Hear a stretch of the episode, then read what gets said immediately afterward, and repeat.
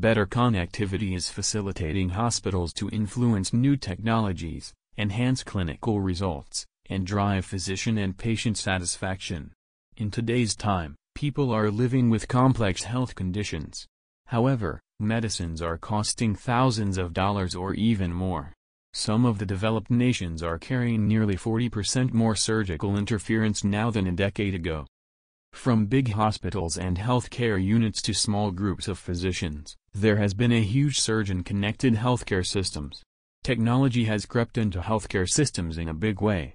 Connected healthcare is transforming the way we perceive well-being in healthcare. Visit a doctor or a hospital appointment happens only when a need arises. So, maybe when you are under the weather, you might visit a doctor. However, everything has gone for a major metamorphosis. Sensors, wearables, IoT, and smart systems are taking care of our health in a way we have never thought about. Mentioned below are some of the key benefits of connected care solutions. 1. Agile treatment plans When you fall sick out of the blue, the worst thing to happen is to wait for an appointment and then for the doctor to see you. After that, you have to visit another place to collect your medication and there is a follow-up with the doctor also involved. Connected healthcare is all about getting care and treatment whenever and wherever you need it. You do not have to physically visit a healthcare specialist.